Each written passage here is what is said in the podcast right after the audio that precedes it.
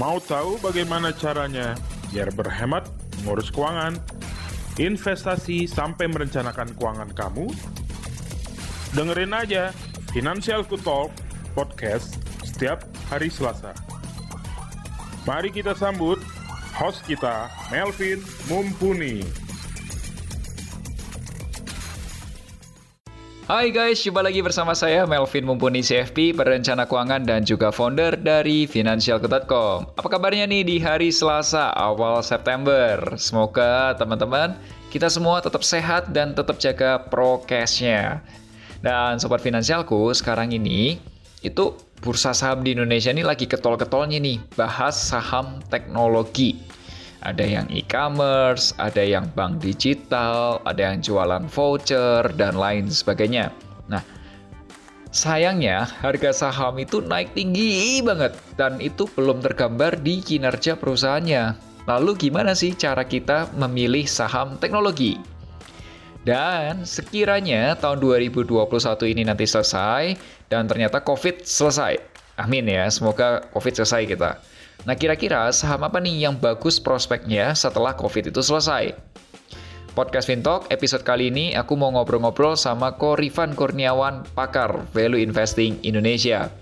Selain itu, aku akan jawab pertanyaan dari sobat finansialku mengenai strategi untuk menambah pemasukan di masa pandemik karena ada seseorang yang kepo banget di webinar terakhirku, di webinar Makeup Plan kemarin.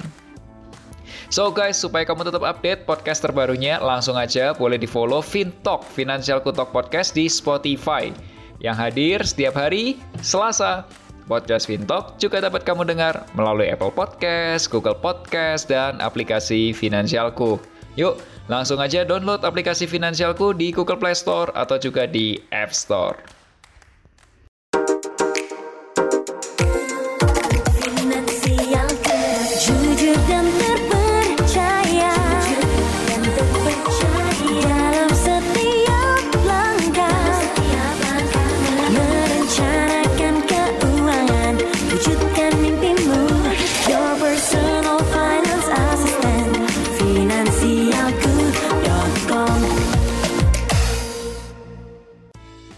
Sebelum bahas lebih detail, Sobat Finansialku juga dapat mengirimkan pertanyaan atau curhat keuangan melalui fitur konsultasi keuangan di aplikasi Finansialku dan jangan lupa kasih hashtag, hashtagnya curhat keuangan. Salah satu pertanyaan yang masuk kali ini adalah, Kamelvin saya M dari Jakarta. Saya nonton live webinar kakak bersama Pak Tommy, Pak Gembong, dan Pak Dedi dari Bursa ICDX. Kakak lagi bahas mengenai trading emas berjangka. Oke, ya, itu minggu kemarin. Kak, saya sebenarnya penasaran gimana sih cara kerjanya? Apakah aman untuk saya yang pemula dan apakah trading emas berjangka itu bisa mendapatkan pemasukan sampai 48 juta sampai 60 juta per tahun? Kak, tolong dijawab ya. Saya penasaran banget. Oke, ada penasaran. Oke, hashtagnya let me share my view. Halo KM, thank you ya udah nonton webinar Makeup Plan minggu lalu di YouTube channelnya finansialku.com dan juga sudah dengerin podcast dan juga nanya ke sininya. Jadi teman-teman, buat teman-teman semua, aku mau ceritain dulu nih sekilas ya tentang webinar Makeup Plan karena bisa jadi teman-teman belum nonton. Webinarnya tanggal 3 September 2021 hari Jumat jam 7. Kamu masih bisa tonton rekamannya di YouTube channelnya finansialku.com. Nah, di webinar itu aku ngajak Pak Kembong sebagai seorang financial plannernya Finansialku, Kotomi dari Agrodana Futures, dan Pak Dedi dari Bursa Komoditi dan Berjangka ICDX. Kita live bareng, berempat. Sebenarnya aku tuh mau menyeimbangkan informasi yang beredar di masyarakat, yaitu fenomena robot trading. Aku minta langsung pendapat dari bursa berjangka, apakah robot trading itu aman? Apa pro and cons-nya? Apakah uang kita sebagai nasabah kalau kita pakai robot trading itu tuh terjaga? Hilang nggak sih? Dan lain sebagainya. Itu aku tanya dari sudut pandang bursa, karena aku, ya, aku yakin bursa berjangka itu tuh lebih menguasai aturannya atau regulasinya daripada kita sebagai orang awam. Setuju ya? Nah, lalu aku aja juga Kotomi dan Pak Kembong untuk bahas berita dari Amerika terkait rilis laporan penghasilan di luar pertanian atau istilahnya tuh non-farm payroll, singkatannya NFP. Biasanya NFP ini akan berpengaruh dengan harga emas. Nah, Pak Gembong berkolaborasi dengan Kotomi untuk coba live trading emas berjangka dan sambil diskusi mengenai profesi trader atau pedagang. Nah, itu semua tadi ringkasan dari webinar Makeup Plan Jumat lalu. Kalau kamu mau tahu detailnya, boleh dong langsung aja di YouTube channelnya finansialku.com. Nah, sekarang ini aku lagi mau bahas tentang pertanyaannya nih, KM Kak, saya sebenarnya penasaran gimana sih cara kerjanya. Jadi cara kerjanya itu sederhana. Seperti layaknya seorang pedagang atau trader, kita itu bisa mendapatkan keuntungan dari selisih harga jual dan beli. Nah, seorang pedagang dihadapkan dua pilihan, yaitu untung atau buntung. Tugas utama seorang trader adalah kita mengurangi risiko buntung sembari meningkatkan potensi untung. Oleh sebab itu, kita sebagai seorang trader perlu belajar dulu bagaimana cara menganalisa harganya, menghitung untung ruginya atau risk reward analysis, dan disiplin membuat jurnal perdagangan. Apakah aman untuk saya yang seorang pemula? Nggak aman. Kalau kamu nggak belajar dan kamu nekat coba-coba. Sekali lagi, nggak aman. Kalau kamu nggak belajar dan kamu nekat coba-coba. Tapi, itu bisa menjadi aman jika kamu belajar sama orang yang sudah berpengalaman. Mulai dari akun demo. Akun demo itu tidak menggunakan uang real, guys. Setelah kamu bisa, nah ya baru coba akun real dengan modal yang kecil.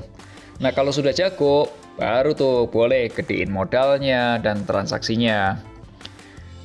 Pertanyaan ketiga, dan apakah trading emas berjangka bisa mendapatkan pemasukan sampai 48 juta sampai 60 juta per tahun? Bisa aja dan bahkan bisa lebih dari itu. Pemasukan itu adalah akibat dari sebab akibat, ya. Pemasukan itu adalah akibat karena kamu sudah melakukan pekerjaan-pekerjaan kamu sebelumnya. Nah, sebelum bahas hasil atau akibatnya, mendingan kamu fokus dulu belajar supaya bisa memperbesar potensi keuntungan sekaligus mengurangi risiko kerugian. Kalau di Finansialku, kita bekerja sama dengan Bursa Komoditas dan Berjangka ICDX dan Kotomi dari Agrodana untuk mengadakan pelatihan jadi trader. Sebutannya adalah Traders Lab. Nah, programnya itu mulai dari satu hari seminar dan ditambah 12 minggu atau 12 kali coaching.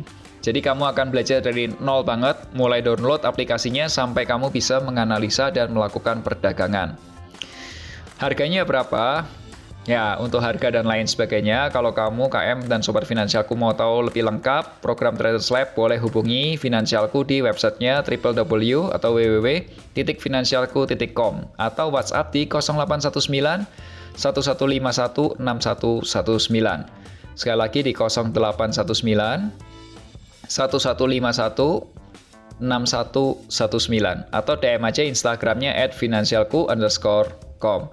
Dan buat sobat finansialku, para pendengar podcast Fintalk, jika kalian mengalami kegalauan mengenai keuangan, investasi, asuransi, atau apa pun itu, boleh langsung curhat ke podcastnya Finansialku. Caranya gampang banget. Pertama, kamu download aplikasi Finansialku di Google Play Store untuk pengguna Android atau App Store untuk pengguna iOS. Kemudian klik menu konsultasi keuangan. Kasih juga hashtag, hashtagnya curhat keuangan. Follow juga akun Instagram at dan at melvin underscore mumpuni supaya kamu dapat informasi keuangan yang lebih banyak lagi. Dan guys, aku juga punya program khusus namanya Melek Finansial bersama Melvin Mumpuni di YouTube channel financialku.com.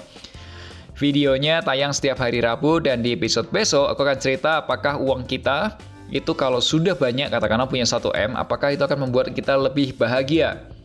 Nah, supaya tetap update, subscribe YouTube channel finansialku.com dan nyalakan notifikasinya. Yuk, langsung aja kita diskusi bersama Ko Rivan Kurniawan.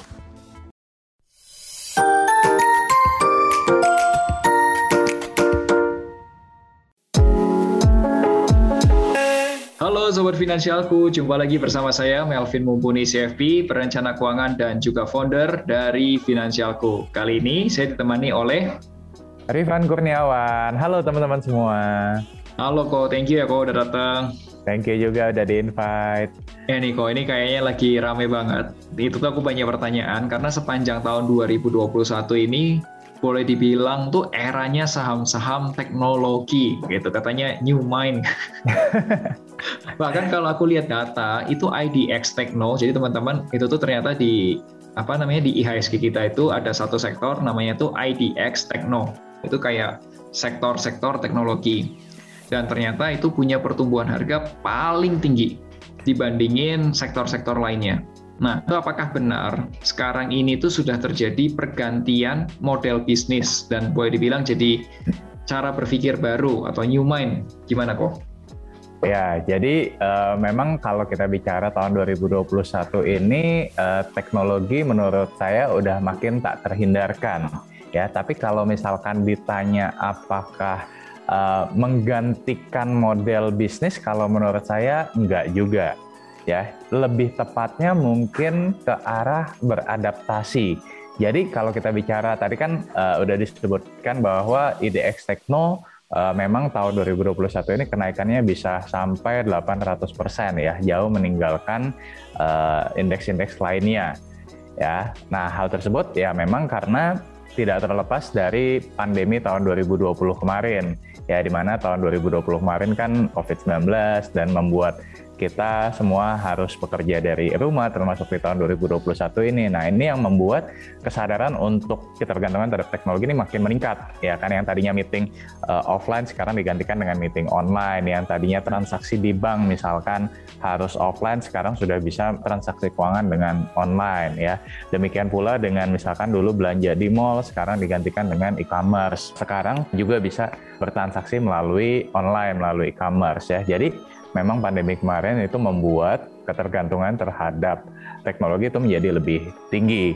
Nah, tapi balik lagi nih, kalau dikatakan menggantikan seutuhnya juga enggak. Ya, hmm. lebih tepatnya adalah beradaptasi. Contoh, misalkan hmm. bank, ya, hmm. e, memang sekarang kan ada nih bank-bank digital yang baru. Yes ya kan seperti misalkan Bank Arto, Bank Neocommerce segala macam ya. Tapi bank-bank konvensional yang besar juga ya sekarang beradaptasi juga tapi tidak meninggalkan bisnis model lamanya. Ya, jadi contoh misalkan Bank BCA sekarang juga punya Blue misalkan, ya hmm. Bank BRI sekarang juga ada BRI Agro misalkan yang hmm. jadi bank digitalnya. Jadi uh, lebih tepatnya adalah uh, kalau menurut saya bukan menggantikan tapi beradaptasi ya. Dan nggak cuman bank ya ada banyak sektor-sektor lainnya juga ya retail misalkan ya yang tadinya bergantung semuanya pada offline ya sekarang juga menambah channel distribusinya dengan melalui channel online. Nah kurang lebih seperti itu. Hmm, jadi bukan replacement bukan mengganti tapi adalah beradaptasi dengan hal yang baru ya? Betul betul Oke, okay. Korifan, ini kalau aku lihat polanya, tapi tolong dikonfirmasi benar atau enggak, karena ini analisa benar-benar subjektif. Mm. Kok ini aku lihat, itu ada kemiripan IHSG yang sekarang itu dengan IHSG yang sudah pernah lewat. Seingatku sih 2007-2008, tapi benar atau enggak nggak tahu ya. Karena pada waktu itu aku mm. lihatnya ketika orang beli saham itu tuh karena berita, terus kemudian karena sentimen, kemudian ada analisis yang ditulis di koran, di majalah, atau mungkin juga disampaikan di berita atau di radio, itu semua semua tuh ngomongin tentang itu. Hmm. Kalau nggak salah pada waktu itu eranya batu bara kalau nggak salah mungkin ya. Iya. Nggak salah betul. itu. Itu ya. tuh bener nggak sih? Apakah ini cuma feeling doang gitu kok? ah, kalau dibilang sebenarnya ada keserupaan tapi nggak 100% sama. Jadi mungkin serupa tapi tak sama. Nah, maksudnya gimana tuh serupa tapi tak sama? Jadi uh, kalau misalkan waktu tahun 2007 2008 ya, waktu itu kan sosial media belum berkembang seperti sekarang ini ya Dulu kayaknya belum ada Instagram, belum ada TikTok, YouTube juga mungkin masih baru awal-awal kemunculannya, ya kan, tapi belum booming lah. Nah, sementara kan tahun 2021 ini udah eranya sosial media ya, Uh, ya baik uh, Instagram, YouTube, TikTok dan lain sebagainya, ya. Nah, jadi yang tadi saya katakan tuh uh, ada kemiripan tapi nggak sama. Nah, kemiripannya dulu deh, ya, hmm. kemiripannya memang bisa dikatakan waktu tahun 2008 memang banyak investor yang juga uh, belum matang ya secara knowledge-nya, secara skill-nya karena memang waktu itu kan sumber informasi sangat-sangat terbatas ya.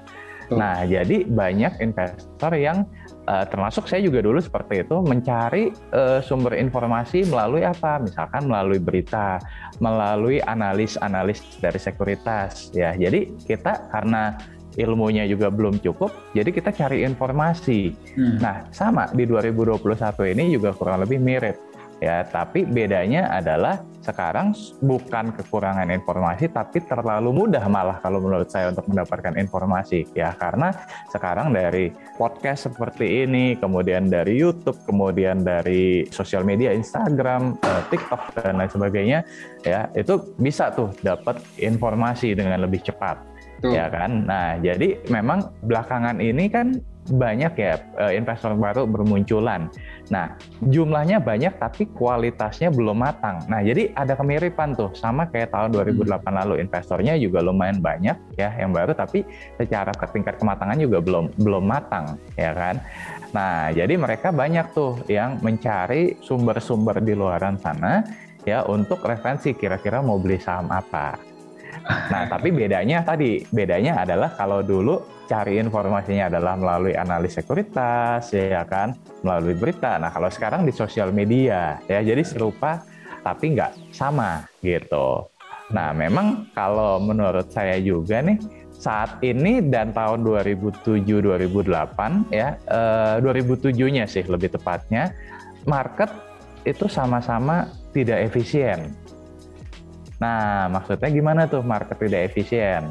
Ya, ada misalkan saham-saham yang fundamentalnya bagus, ya kan? Tapi harga sahamnya belum tercermin. Tapi ada juga nih saham-saham yang secara fundamentalnya mungkin belum bisa dikatakan baik, tapi harga sahamnya udah naik, ya kan? Naik tinggi sekali. Nah, tapi justru dengan market yang tidak efisien ini membuat pasar saham ini menjadi menarik karena kalau pasar efisien itu malah jadi nggak menarik. Karena boring, jadi ya? boring gitu, jadi bosen ya kan nggak ada saham yang bisa dibeli gitu kan. Tapi kalau sekarang ya dengan banyak orang yang beli karena berita dan influence dan membuat mungkin saham tertentu meningkat harganya, justru meninggalkan opportunity di saham lainnya nih yang secara hmm. kualitas sudah lebih baik ya, tapi harganya belum terapresiasi. Nah justru ini yang membuat pasar saham menjadi menarik gitu. Dan satu lagi, kalau kita bicara jumlah transaksi misalkan hmm. ya, tahun 2007-2008 saya ingat saya waktu itu di kisaran sekitar 4 triliunan lah per hari. Sementara hmm. tahun 2021 ini udah lebih dari 10 triliun per harinya. Nah, berarti kan udah lebih dari dua kali lipat ya kan. Hmm. Nah, jumlah emitennya juga jauh lebih banyak. Nah, ini yang membuat tadi serupa tapi tak sama ya kalau tahun 2007-2008 kita agak susah cari peluang gitu ya hmm. tapi di tahun 2021 ini karena jumlah emitennya juga lebih banyak ya relatif masih lebih mudah untuk mencari yes. peluangnya seperti itu ya aku lihat dari data itu per tahun sekarang itu sudah ada 50 perusahaan listing terus rajin gitu 50-an gitu jumlahnya Betul, per tahun. Kalau dulu iya. kan paling 10, ya paling mentok belasan, ya iya. kan. Nah, kalau sekarang bisa 70, bisa 50 per tahun. Nah, itu kan jadi jauh lebih banyak gitu. Benar-benar. Jalan tiga tahun ini tuh setahu 150 emiten sudah ada loh. Iya, betul. Dan hmm. apa namanya, uh, ada yang skalanya mungkin belum terlalu besar dan hmm. lini bisnisnya juga macam-macam jadi lebih bervariasi. Betul, lebih menarik ya. Lebih menarik. Oke, jadi teman-teman hati-hati. Ternyata memang polanya ada kemiripan. Ini bukan sesuatu yang baru, maksudnya bukan sesuatu yang oh, oh fenomena baru, bukan. bukan. Jadi ada masanya kalau teman-teman ada pada waktu itu, ada masanya itu orang itu beli karena berita, ada sentimen atau analisis di dulu medianya cetak teman-teman. Ya masih koran, masih TV, masih radio gitu. Nah sekarang udah nggak media cetak, adanya sekarang ada di media sosial, ada di TikTok, ada di YouTube, dan ada juga di uh, Instagram. Jadi mungkin lebih baik kata yang tepat itu mungkin pilih-pilih ya, kok ya. Ya itu dia. Jadi kalau sekarang itu tantangannya bukan mencari uh, informasi lagi, tapi bagaimana mengolah informasi yang benar hmm. ya kan karena informasi tadi terlalu mudah uh, sangat mudah didapatkan nah jadi informasi yang nggak benar pun kadang bisa masuk ke otak kita dan kita jadi cenderung bias dalam mengambil keputusan oke okay. eh kok ini ada tambahan dikit dari aku. Pada saat itu 2007-2008 tuh sebenarnya aku sudah mulai lihat-lihat walaupun belum masuk ke dalamnya tuh belum, tapi karena orang tua jadi aku udah mulai ini itu apa sih barang apa sih dan memang memang uh, karena modalnya belum ada jadi cuma lihat-lihat dulu kok. Tapi memang ada ada ada keinginan kayak apa ya greedy gitu walaupun Wah, itu dia. Ya, apa sebagai investor pemula atau apa eh, orang yang pertama-tama tuh waktu itu aku merasakan greedy gitu. Wah, gila kalau punya uang segini kayaknya bisa cepet kaya gitu. Iya. Yes. Aku mengalami hal itu nggak sih? Itu tuh wajar nggak sih? Nah, itu wajar banget lah. Namanya juga manusia kan uh, pasti ada rasa greedy lah ya. Wah, kalau saya punya uang, misalkan sekarang saya punya uang 10 juta, ya kan. Kalau kalau cuan 10% 1 juta kalau saya punya 20 juta, mungkin bisa dua kali lipatnya kali ya jadi 2 juta. Hmm. Kalau punya 100 juta, nah jadi kayak eh, kata-kata kalau itu terus ada di otak kita, ya kan? Hmm. Nah, cuman ya balik lagi ya gimana kita bisa mengendalikan lah, mengendalikan greedy tadi ya supaya kita nggak nggak terjerumus gitu. Oke itu teman-teman. Jadi kalau kamu sekarang ini masanya ada di masa greedy, uh, berarti aku sama Korifan pun juga sebenarnya pernah melewati masa itu juga. Jadi pernah. cepetan lewat gitu. Nanti ketika kamu itu sudah lewat, ya nanti kamu akan lihat uh, saham tuh ya biasa aja lah. Iya.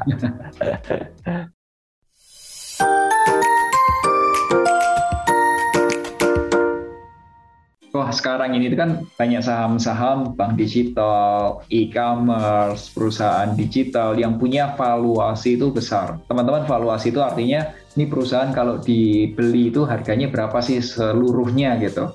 Mm-hmm. Nah bahkan itu perusahaan-perusahaan tersebut tuh boleh dibilang masuk ke 20 terbesar di bursanya Indonesia gitu atau 20 besar market cap gitu. Nah kenyataannya atau faktanya valuasi besar tersebut itu belum tergambar dari kinerja keuangan yang sudah ada, yang sudah lewat. Gimana sih cara Koko melihat saham-saham tersebut atau menilai saham-saham digital tersebut yang valuasinya belum tergambar dari laporan keuangannya? Gimana Kok?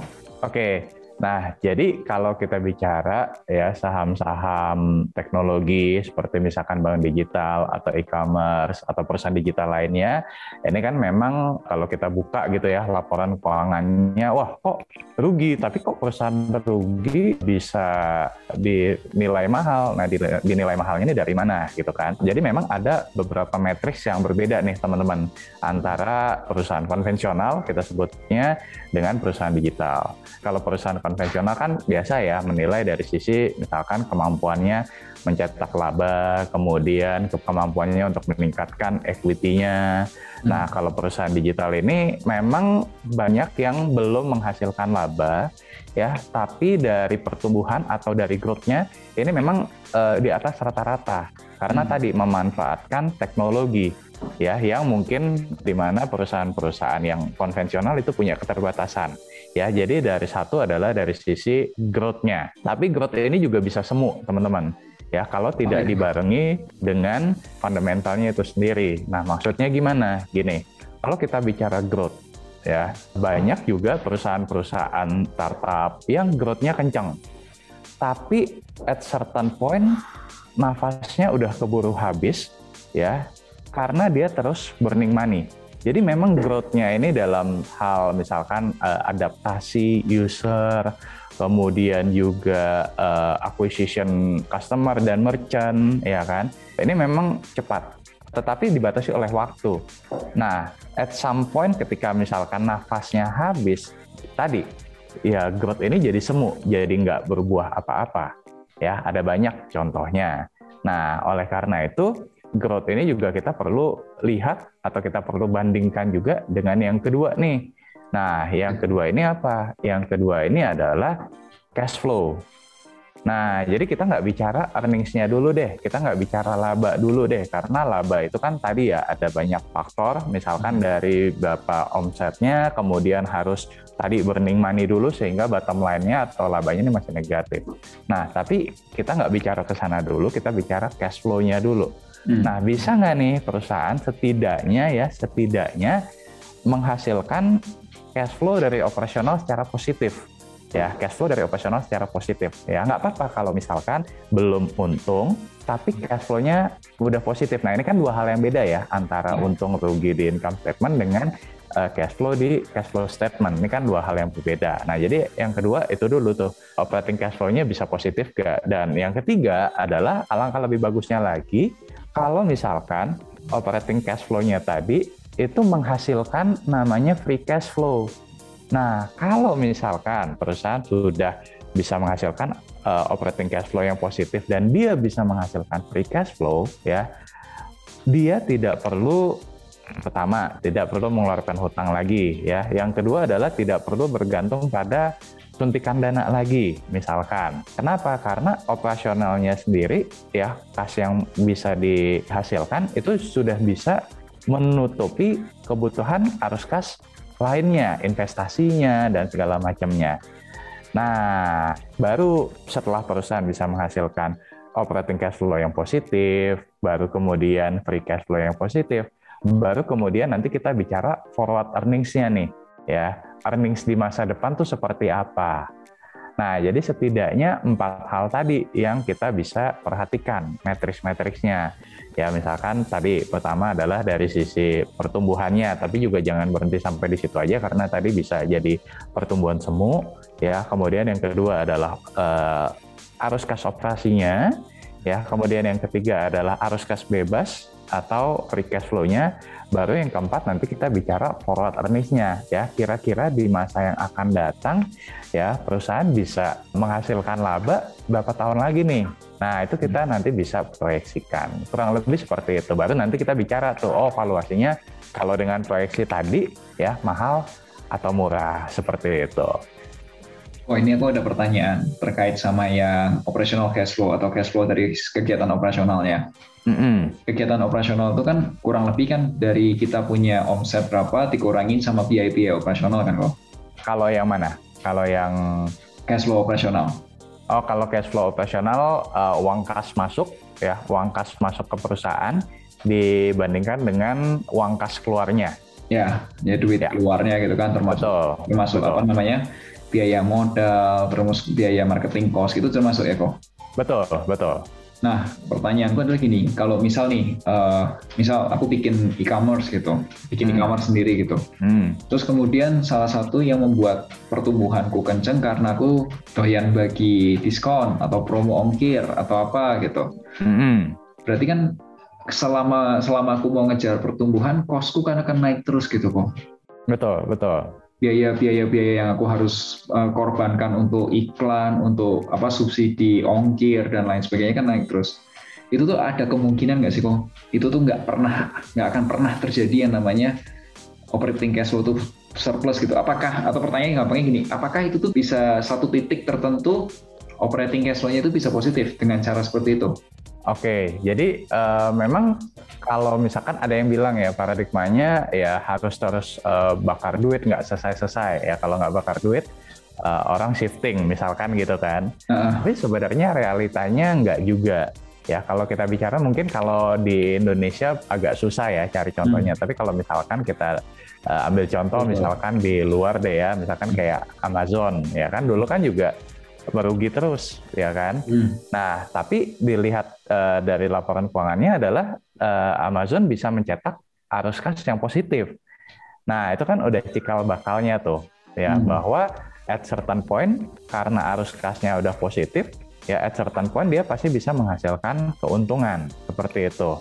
Hmm. Nah, contoh lain, misalkan kalau dari sisi e-commerce, misalkan kayak Alibaba deh, hmm. ya Alibaba atau uh, eh, JD.com. Nah, itu juga dua perusahaan yang ya sebelumnya merugi, ya, tapi sekarang sudah jadi perusahaan yang profitable. Hmm. Nah, kenapa? Karena arus kasnya bisa dijaga. Hmm. Nah, jadi ya itu tadi, ketika misalkan arus kasnya bisa dijaga, ya at certain point ya dia akan bisa menghasilkan keuntungan karena tadi uh, biaya acquisition apa acquisition cost-nya tadi ya uh, seiring dengan berjalannya waktu akan menjadi lebih rendah, lebih murah. Nah, ketika acquisition cost-nya menjadi lebih murah, tadi uh, perusahaan bisa menghasilkan keuntungan ya secara income statement-nya. Gitu. Jadi Mas Koko itu dalam satu titik bisa jadi itu biayaku untuk marketing itu emang gede. Misal katakanlah yeah. 10 miliar gitu. Tapi yeah. aku punya keuntungan tuh sudah 20 miliar sendiri gitu. Jadi tetap aja aku masih surplus gitu. Walaupun aku bakar pun aku masih untung gitu. gitu betul, ya, kan? betul, betul. Oke, oke, oke. Masuk akal, masuk akal. Benar juga. kok, ini melanjutin pertanyaan berikutnya nih, kok. Nah itu uh. kalau lihat growth atau pertumbuhan tadi, yang poin pertama kok itu, mm -hmm. uh, pertumbuhan perusahaan yang belum tergambar di laporan keuangan. Karena kalau yang ngomongin pertumbuhan kan kita bicara masa depan ya kok ya. Mm -hmm.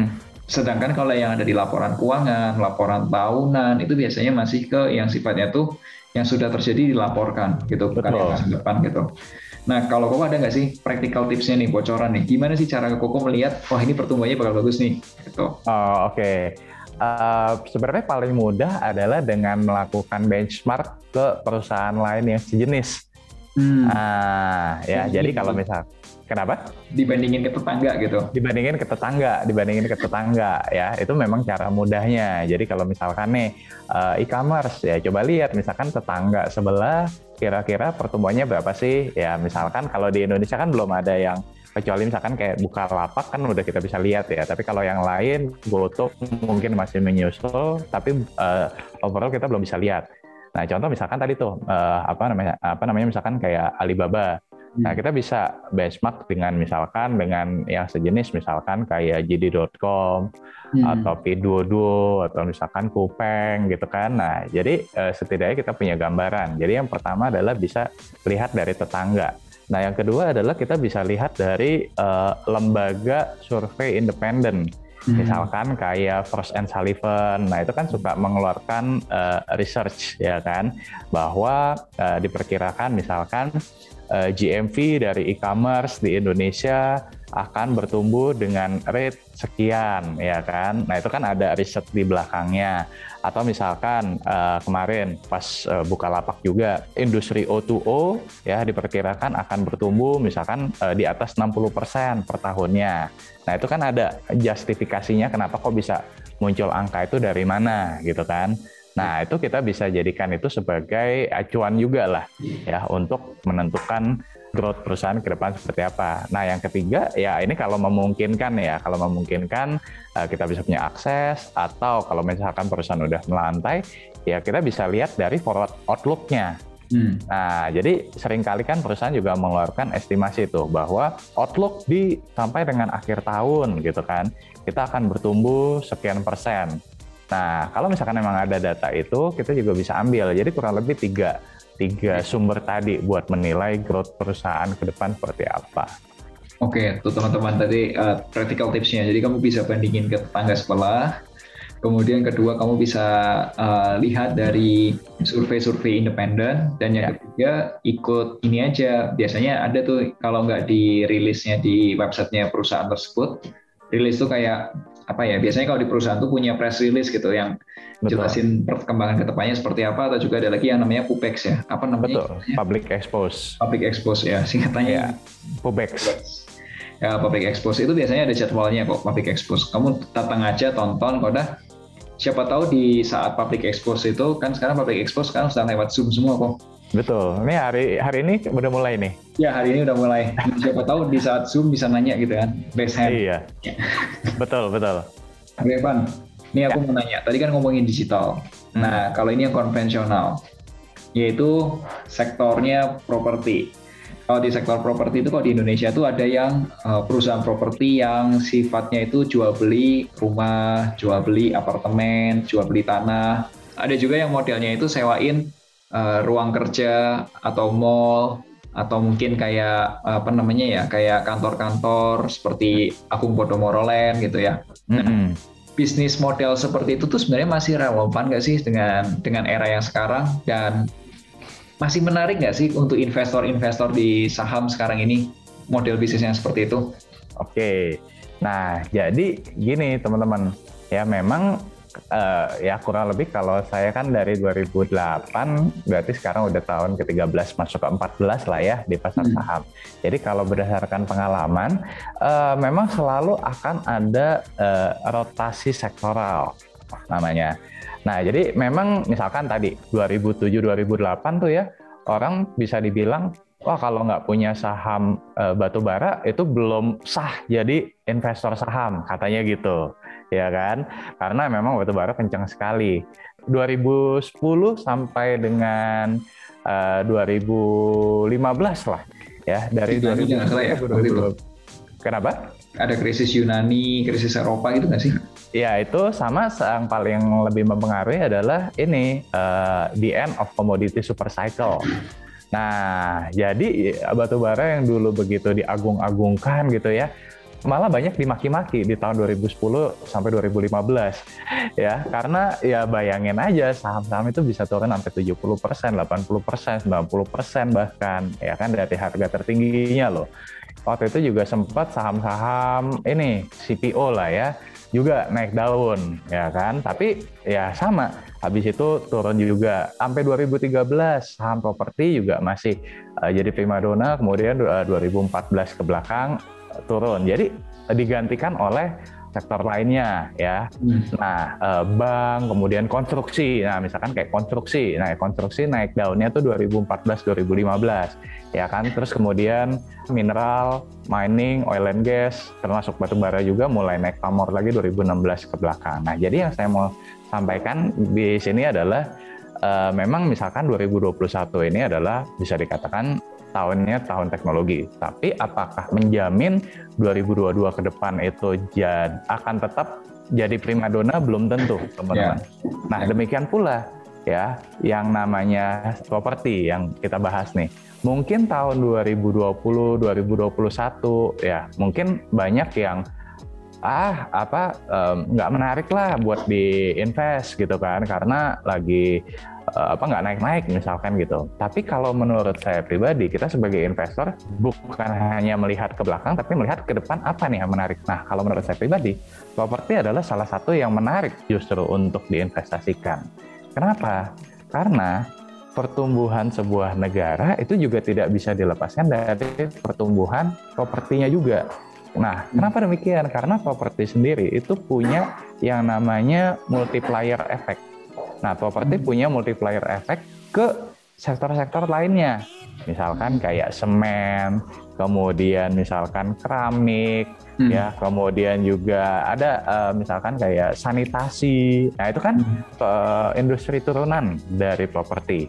Nah, jadi sektor properti ini akan digenjot lah ya hmm. oleh pemerintah kalau misalkan ingin meningkatkan pertumbuhan ekonomi sektor properti juga termasuk salah satu yang akan diprioritaskan. Nah hal ini udah kelihatan nih, udah mulai kelihatan dengan peringanan PPN, ya hmm. kan. Nah kemudian juga banyak developer properti yang sekarang kasih promo-promo menarik, ya kan. Kemudian satu lagi nih, suku bunga sekarang lagi kita lagi ada di era suku bunga rendah. Ya tiga setengah tiga setengah persen. Nah ini yang membuat orang yang tadinya mungkin mikir-mikir mau DP rumah, mau cicil KPR, sekarang jadi lebih berani. Kenapa? Cicilannya lebih murah. Yeah. Nah, eh, jadi kan kita sebagai investor juga perlu nih untuk melihat gitu kan, ke depannya gimana? Jangan cuma ke belakangnya. Apa nih kira-kira yang menarik untuk diinvestasikan di saat ini yang ke depannya akan cerah? Nah, kalau menurut saya, properti adalah salah satu sektor yang menarik juga untuk diinvestasikan. Jadi jawabannya adalah jelas masih relevan seperti itu. Oh ini kayaknya seru ya karena aku barusan berpikir juga benar kata koko sih. Sekarang mungkin propertinya terdampak gitu, tapi ketika Betul. ekonominya sudah mulai pulih, itu kan orang-orang juga membutuhkan properti lagi dan mungkin pertumbuhannya kencang karena beberapa tahun kayak penjualannya di limited gitu kan. Betul. Dan jangan dan jangan lupa, dan jangan lupa kaum milenial banyak yang belum punya properti. Nah, berarti artinya apa? Artinya kan permintaan akan properti bisa meningkat. Bisa meningkat ya jauh akan bahkan jauh lebih meningkat. Kalau saya nggak salah ingat kemarin itu sempat baca riset gitu ya kurang lebih sekarang itu tingkat penyerapan properti di Indonesia tuh masih di bawah 10%. Jadi artinya masih ada sekitar 80-90% lainnya yang masih membutuhkan properti atau hunian sendiri. Uh. Nah, itu itu itu fakta menarik juga tuh. Berarti kan dari situ saya lihat, wah, kalau memang banyak milenial yang saat ini belum punya properti dan ingin punya properti sendiri atau hunian sendiri, ya maka permintaannya jelas potensi permintaannya jelas masih sangat-sangat besar ke depannya. Gitu. Keren nih. Nih kalau kayak gitu kan saham properti ada banyak tuh. Kita bahas aja ya di grup belajar saham gitu ya kok ya. Oke, boleh. Kita bedah aja gitu ya saham properti mana yang yang kan banyak tuh nggak nggak usah semua beli kan. Pilih ada 50 gitu. oh ya ada 50-an perusahaan kan nggak mungkin juga lah ya kalau kita uh, bahas di sini satu persatu. Nah, nanti kita bahas di grup belajar yang finansialku aja. Oke, okay. so guys, kalau kamu mau tahu nanti tanya aja ke Minko tuh uh, grup belajar saham finansialku yang ya supaya kita akan bahas tentang propertinya. Iya, soalnya itu tricky juga tuh. Ada perusahaan properti yang ya tau lah ya, yang ini kan apalagi ada perubahan ini nih, perubahan uh, eh, PSAK. Nah itu ya. lebih ketahuan tuh mana perusahaan yang nakal-nakal, developer yang nakal-nakal, ya developer yang benar yang mana ya yang tadinya suka jual gambar kemudian uh, ya ternyata nggak kejadian tuh ada juga. Nah nanti kita bahas lah di sana oke. Okay. So teman-teman kalau misal kamu penasaran langsung aja tanya ke Minku aja ya. Kayaknya seru nih untuk dibahas. Oke. Okay. kok anyway kita sudah di akhir podcast nih. Ada nggak sih pesan-pesan buat teman-teman sobat finansialku yang dengerin podcast di episode kali ini Oke, ya pesan-pesannya ya yang pertama pastinya terus belajar lah ya. Tadi kan uh, kita udah bahas tuh sekarang ini eranya di mana informasi itu mudah sekali untuk didapatkan. Nah, tapi teman-teman juga jangan telan semua informasi mentah-mentah hmm. ya, tapi uh, nggak disaring ya. Yang paling penting adalah filter dulu nih mana hmm. informasi yang relevan, yang uh, kredibel, bisa dipercaya itu yang pertama. Ya, kemudian yang kedua juga um, ya jangan FOMO juga. Ya, misalkan tadi, wah ini uh, eranya teknologi, ya berarti beli saham-saham teknologi. Ya, saya nggak bilang saham teknologi itu jelek, ya uh, bagus, tetap bagus, prospeknya juga cerah. Kita semua juga ketergantungan terhadap teknologi makin tinggi. Cuman balik lagi nih, uh, keputusan investasi itu nggak bisa cuma dilihat apakah prospeknya gimana, tapi juga harus dilihat dengan valuasi harga wajarnya. Ya, kalau kita beli perusahaan yang bagus tapi dengan harga yang terlalu mahal juga risikonya akan akan besar. Nah, jadi perlu dianalisanya ya, itu perlu dipertajam lagi ya. Jadi jangan FOMO ya. Kemudian yang ketiga ya, tadi eh, saham-saham uh, yang konvensional pun juga sekarang udah punya banyak yang beradaptasi kok ke teknologi ya. Jadi hmm. bukan berarti wah saham-saham yang lain nggak langsung nggak menarik untuk diinvestasikan. Oh, justru justru enggak. Justru nanti ke depannya market akan cari titik keseimbangan baru lah. Itu ya. akan selalu terjadi ke depannya, teman-teman. Benar. Gitu ya kurang lebih itu sih sama yang keempat ya nanti kita belajar lebih lanjut lagi lah di grup belajar finansialku. Oke, okay, thank you ya kok ya, thank you juga teman-teman yang sudah dengerin podcast episode kali ini. Semoga kamu bisa kebayang dan ini untuk jagain supaya nggak FOMO-nya nggak kelebihan menstabilkan FOMO-mu atau gigimu. Penting banget itu. ya ini kan kan biasanya kalau lihat Instagram jadi pengen hawanya pengen beli gitu. Ya ini kamu kasih, kasih lihat sudut pandang yang berbeda siapa tahu bisa menstabilkan. Yes. Oke. Okay. Thank you buat teman-teman. Sampai jumpa di episode uh, berikutnya di FinTalk Financialku Talk Podcast setiap hari Selasa. Akhir kata, make a plan and get your financial dreams come true. Come true. Thank you. Thank you.